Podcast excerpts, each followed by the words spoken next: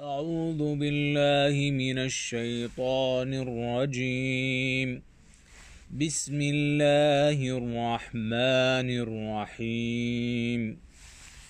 إذا جاء نصر الله والفتح ورأيت الناس يدخلون في دين الله أفواجا فسبح بحمد ربك واستغفره. إنه كان توابا.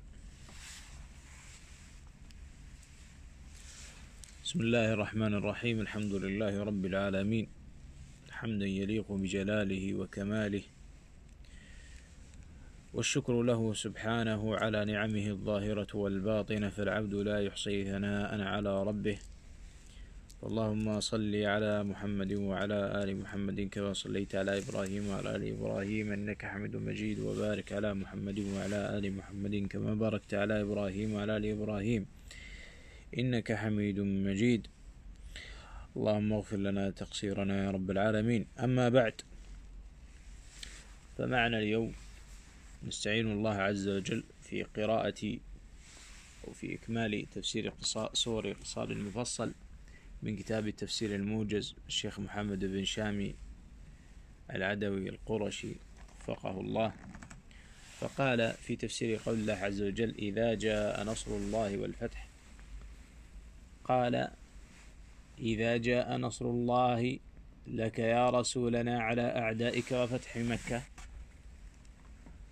ورأيت الناس يدخلون في دين الأفواج؟ قال ورأيت الناس يدخلون في دين الإسلام جماعات جماعات. فسبح بحمد ربك واستغفره إنه كان توابا. قال فنزه الله عن النقائص والعيوب واطلب منه المغفرة. إنه كان توابا لمن تاب إليه وأناب. آه انتهى كلامه وفقه الله. وقوله إذا جاءك نصر الله يا رسولنا على أعدائك وفتح مكة. فما المقصود بأعدائه؟ اختار الشيخ أنها هنا المعني به فتح مكة. ونصر الله معنى نصر الله لم يتعرض لهذا الشيخ. نصر الله عز وجل أي غلبته لأعدائه. أي أن الله عز وجل يغلب أعداء نبيه صلى الله عليه وسلم بما يسخره من الأسباب. فهذا هو نصر الله والفتح كما ذكر الشيخ. ومنهم هؤلاء الأعداء الأعداء وهم كفار قريش. على أعدائك. ويأتي السؤال هنا ما وجه الاختصاص بالذكر لذكر الأعداء اللي هم الذين هم كفار قريش وذكر الفتح والجواب أن العرب كانت في حيرة من أمر النبي صلى الله عليه وسلم. وكان بعضهم يريد الإسلام فيرده قومه فيقولون ننتظر فلنرى إن كان غلب قومه وهم الذين رد الله عز وجل عنهم كيد أبره الحبشي فهذا لا لا يداني عليه لا طاقة لنا به. وهذا يدل على أنه نبي وأنه صادق من عند الله عز وجل لأن الله عز وجل نصره. فهذا هو ارتباطه بالفتح بفتح مكة.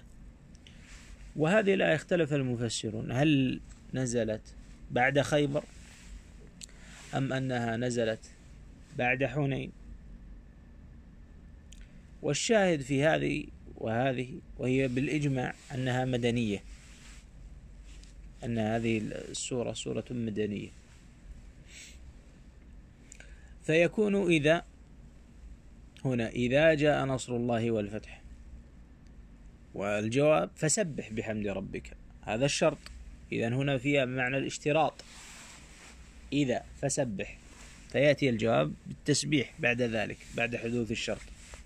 وهذا يدل على أن الأمر يحصل في المستقبل إلى النبي صلى الله عليه وسلم. ومجيء نصر الله سبحانه وتعالى بالأسباب التي يسببها الله سبحانه وتعالى. بالأسباب. والفتح.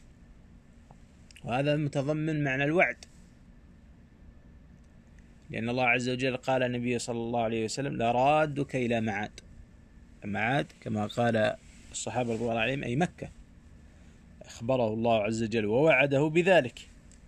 وغيرها من الآيات التي وعد الله عز وجل المسلمين حتى في صلح الحديبية بأنهم سيعودوا إلى مكة وأن النبي صلى الله عليه وسلم سيعود. فالصحابة كانوا ينتظرون تحقق هذا الوعد. والنبي عليه الصلاة والسلام والعرب لأن القرآن نزل بهذا. إذا جاء نصر الله والفتح. ورأيت الناس يدخلون في دين الله أفواجا. أي يعني كما قال الشيخ جماعات رأيت الناس رأى قد تكون من أفعال القلوب وقد تكون من أفعال الأبصار. رأيت بمعنى علمت. ورأيت بمعنى رأيت ب أو يعني سترى ببصرك. تحقق هذا الأمر. ورأيت الناس. من المقصود بالناس؟ هل كل الناس؟ هل المراد بالناس كل الناس أم بعض الناس؟ إذا كانت رأيت بمعنى علمت فالنبي صلى الله عليه وسلم قد علم أن الإسلام يدخل في كل مكان. وأن النبي صلى الله عليه وسلم علم أن الإسلام ينتشر في شرق الأرض ومغاربها في أحاديث صحاح عنه عليه الصلاة والسلام. فيشمل كل الناس. أما إذا قلنا رأيت وهو نصر الله والفتح المتعلق بمكة فمعناها الرؤية الباصرة. فمعنى الناس المراد به الخصوص. مثل قول الله عز وجل الذين قال لهم الناس إن الناس قد جمعوا لهم. هؤلاء الناس هم أناس معلومون. وأولئك كذلك أناس معلوم. ورأيت الناس ماذا يفعلون؟ يدخلون في دين الله. كيف دخولهم في دين الله؟ بنطق الشهادتين. والإقرار بنبوة محمد صلى الله عليه وسلم وإفراد الله عز وجل بالعبادة. يدخلون في دين الله. ما هو دين الله؟ قال الله عز وجل إن الدين عند الله الإسلام. قال ومن يبتغي غير الإسلام دينا فلا يقبل منه. هذا هو دين الله. أفواجا جماعات. وذلك كما تقدم أنهم قالوا ننتظر. فإن غلب قريش فهو نبي. فلذلك دخل الناس في الإسلام بمجرد أنها فتحت مكة. وكان هذا مصداقا للنبي صلى الله عليه وسلم ولوعد ربه عز وجل برده إلى مكة وبفتح مكة عليه وعلى المسلمين. يدخلون في دين الله أفواجا. فسبح. هنا أمر للنبي عليه الصلاة والسلام. ولذلك كان يتأول هذه الآية في آخر حياة النبي عليه الصلاة والسلام. فسبح بحمد ربك واستغفره إنه كان توابا. وكما قال بعض السلف الكمال دليل على قرب انتهاء الأجل. بمعنى أنه إذا اكتمل الأمر وتم فهذا دليل على قرب أجل النبي عليه الصلاة والسلام ووفاة النبي عليه الصلاة والسلام. لذلك فهم بعض الصحابة منها دنو أجله عليه الصلاة والسلام. فهموا من هذا ولذلك سماهم بعض أن هذه الآية أن هذه السورة هي توديع للنبي عليه الصلاة والسلام في لقرب أجله.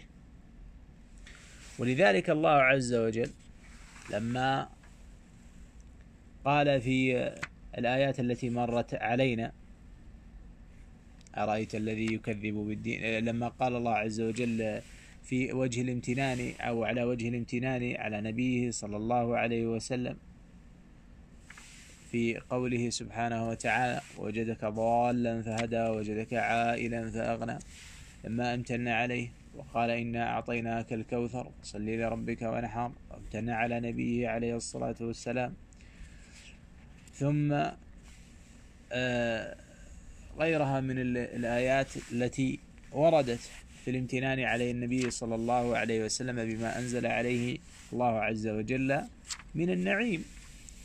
في سواء النعيم القلبي في تطهير قلبه عليه الصلاة والسلام وفي تطهير نفسه عليه الصلاة والسلام.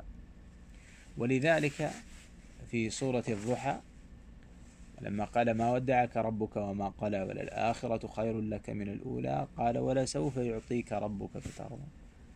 ألم يجدك يتيما فآوى وجدك ضالا فهدى وجدك عائلا فأغنى. إلى آخر الآية. الشاهد أن هذه وقال الله عز وجل في السورة اللي بعدها التي تليها لم نشرح لك صدرك ووضعنا عنك وزرك الذي أنقض ورفعنا لك ذكرك. فقالوا فيها أنها فيها ترقية للنبي عليه الصلاة والسلام إلى مدارج الكمال والتمام. عليه الصلاة والسلام. فهذا تمامه وكماله عليه الصلاة والسلام. في المقام في المقامات الإيمانية. قال فسبح. قال الشيخ معنى سبح أي نزه الله عن النقائص والعيوب. بحمد ربك. وهذه نعمة. هذه إحدى النعم التي أنعم الله عز وجل بها على نبيه عليه الصلاة والسلام. يعني قال لرادك إلى معد. هذه نعمة أنعم الله بها عز وجل على نبيه عليه الصلاة والسلام. والنبي عليه الصلاة والسلام أكثر الناس أتباعا يوم القيامة عليه الصلاة والسلام. قال الشيخ وفقه الله الدروس المستفادة من الآيات. أخي المسلم اعلم أن الله ناصر دينه ورسوله صلى الله عليه وسلم. قال الله تعالى والله متم ولو كره الكافرون. وقال تعالى فقد نصره الله إذ أخرجه الذين كفروا. وما نراه اليوم من قيام الأمم الصليبية بالتنصير ومحاربة الإسلام. فسوف يأتي اليوم الذي يكسر فيه الصليب لقوله صلى الله عليه وسلم كما في حديث أبي هريرة رضي الله عنه والذي نفسي بيده ليوشكن أن ينزل فيكم ابن مريم حكما عدلا فيكسر الصليب ويقتل الخنزير ويضع الجزية ويفيض المال حتى لا يقبله أحد حتى تكون السجدة الواحدة خيرا من الدنيا وما فيها. رواه الشيخان. أخي المسلم أكثر من التسبيح والتحميد في الركوع والسجود. وقد كان النبي صلى الله عليه وسلم يكثر أن يقول في ركوعه وسجوده سبحانك اللهم ربنا وبحمدك اللهم اغفر لي. يتأول القرآن. رواه الشيخان من حديث عائشة رضي الله عنها. أخي المسلم أكثر من الاستغفار اللهم اغفر لي رب اغفر لي. فقد كان رسول الله صلى الله عليه وسلم يقول والله إني لا أستغفر الله وأتوب إليه في اليوم أكثر من سبعين مرة, سبعين مرة. اللهم اغفر لي رب اغفر لي أستغفر الله. هذه كلها من صيغ الاستغفار. ثم قال الشيخ لنكثر التوبة إلى الله عز وجل. لنكثر من التوبة إلى الله عز وجل. وقد قال صلى الله عليه وسلم إني لا أتوب إلى الله عز وجل في كل يوم مئة مرة. رواه أحمد. لنتوب في اليوم بسبعين مرة أو أكثر. أكثر من التسبيح والتحميد في كل أوقاتك فهو خفيف على اللسان. وقد قال صلى الله عليه وسلم كلمتان خفيفتان على اللسان ثقيلتان في الميزان حبيبتان إلى الرحمن سبحان الله العظيم سبحان الله بحمده رواه الشيخان. إلى هنا وصلنا إلى تفسير ختام تفسير هذه الصورة وصلى الله على نبينا محمد وآله وصحبه وسلم.